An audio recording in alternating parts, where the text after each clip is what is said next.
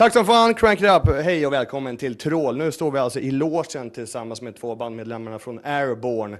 Nu ska jag ge mig på lite engelska. I'm gonna speak English with this guy because they are from Australia. Okay, uh, this is David and this is Justin. Hello.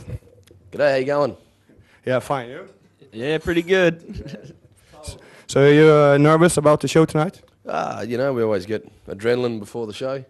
It's uh, you know, we've, we've played a lot of shows this year, but it's uh, we get pumped uh, just before we go on stage, so it's going to be a good one.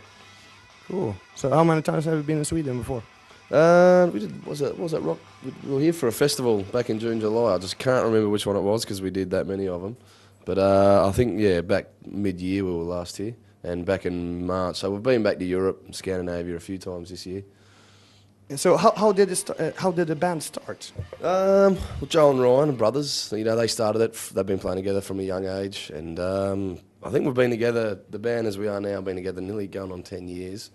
I met Joel. I used to work in a bar, like oh, you know, nearly eight nine years ago with Joel. We used to just jam after work, and they only had a th- there was only a three piece band at the at that time. So I started coming around to rehearsals and jamming with them, and came in as the the fourth member as the rhythm guitarist.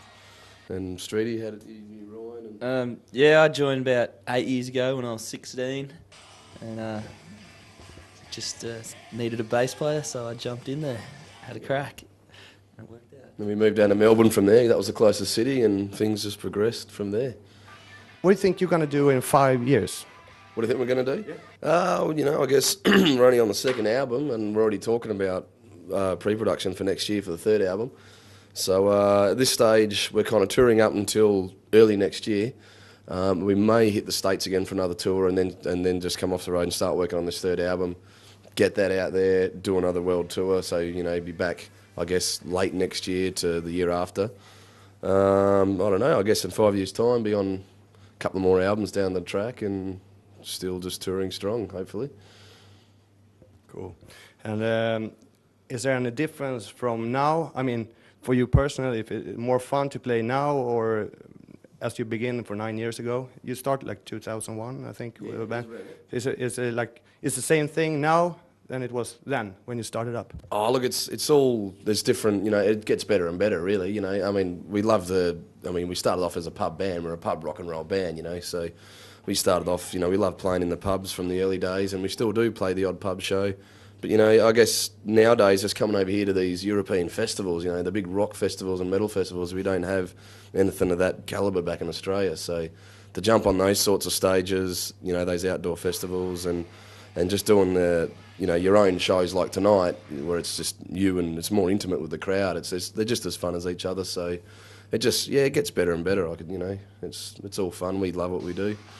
But Justin, so uh, how you feel about it? Yeah, good. You know, you get to travel around the world playing rock and roll to a bunch of people. It's just, it's awesome. You know. Cool. Your, na- your, your name is Justin. Are you are you re- re- relative to Justin Timberlake?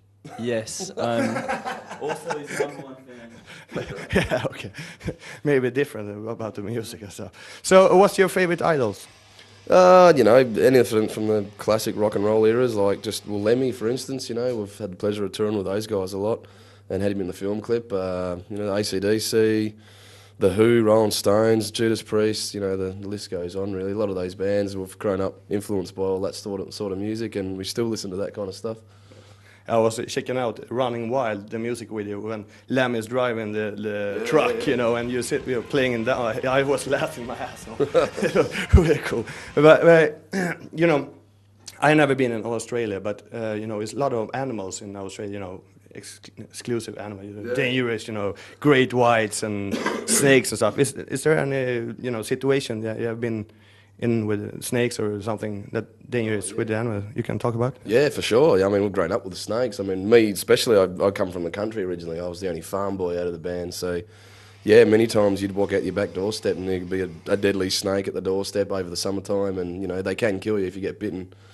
Uh, you just got to get to a hospital within a couple of minutes, you know, because that venom can pump through you pretty quick. So, yeah, you got to be careful. There's lots of little spiders. We've got something like a spider called the redback spider and they live under like dark, wet places. Like um, where would you find them? You- If you've got an outside toilet, for instance, they can live under the seat.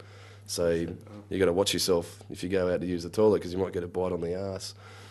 Cool. If you were if if you were supposed to be an animal, what kind of animal you would be? What kind of animal? Oh, I guess I'd be an eagle. You Soar around, yeah. Nothing like How, how does an eagle sound like? What does he sound like? I don't know. Just uh, flies around, observing the world. yeah, yeah, I got a bad voice at the moment. I can't imitate him. It's good for warm up. and Justin, you? I'd be a big blue whale because they're the biggest things in the world and they don't give a shit about anything. They just cruise around the sea. Nothing hurts them. They're sweet. Blue whale. So how how does it sound? Eh, I don't know. Come back for warm ups when we're doing Yeah, okay. okay. Because we're gonna do a warm up now because we have a, like a famous uh, child song in Sweden called Bä bä vita lamm. Baba Vita. Bä bä vita lamm is like, uh, it's like- sheep, white sheep. Bä bä vita lamm, har du någon ull? So you're gonna sing with me now. So okay, we're gonna Bä bä vita lamm, har du någon ull? Ja, ja, kära barn, jag har säcken full. Okay? That's how it's done. Justin, you have to say bä bä vita lamm. Bä bä, Vitala. har du Har du ull? ull? Okay. Okay. Uh, bä bä vita is like white sheep. You have any uh, skin for you know what you call it? Ha- hairy skin, fur, fur. What? Uh, it's a, you know every child knows it in Sweden. It's pretty funny. So, uh, what do you think about prostitution? Prostitution? Oh, you know, it's good. It's good if you can afford it. We're gonna talk about how they come up with the name Airbourne. It was other guys who come up with it, but now they have something about it. Tell me, tell me everything you know. Uh, yeah, well, it's just, I guess, you know, Joel and Ryan had the name there before we came into the band, and it's just, I guess, it's kind of like the airborne division, like the, in the military, like the paratroopers. You're like band of brothers together on the road, just in the trenches for, for rock and roll. You know, you've got you got nothing but yourselves. You know, on the road, it's just us and our crew, and you just kind of living on the road, living tough, like like those guys do with their job. You know, and it's just. The name Airbourne, I guess it's just it's an easy name, powerful name to kind of remember. It sticks in your head. There's a lot of weird names out there these days. You got to keep keep it simple, like our music. Keep it simple. Cool. You know, David, uh, your name is David Roads, right? Yeah. So, are, is it taken? Oh, The afternoon. The Roads. Is your Roads. real name? Or? That's my real name. Yeah, well, it's Roads And- is my nickname. and you're a street. Justin Street, yep.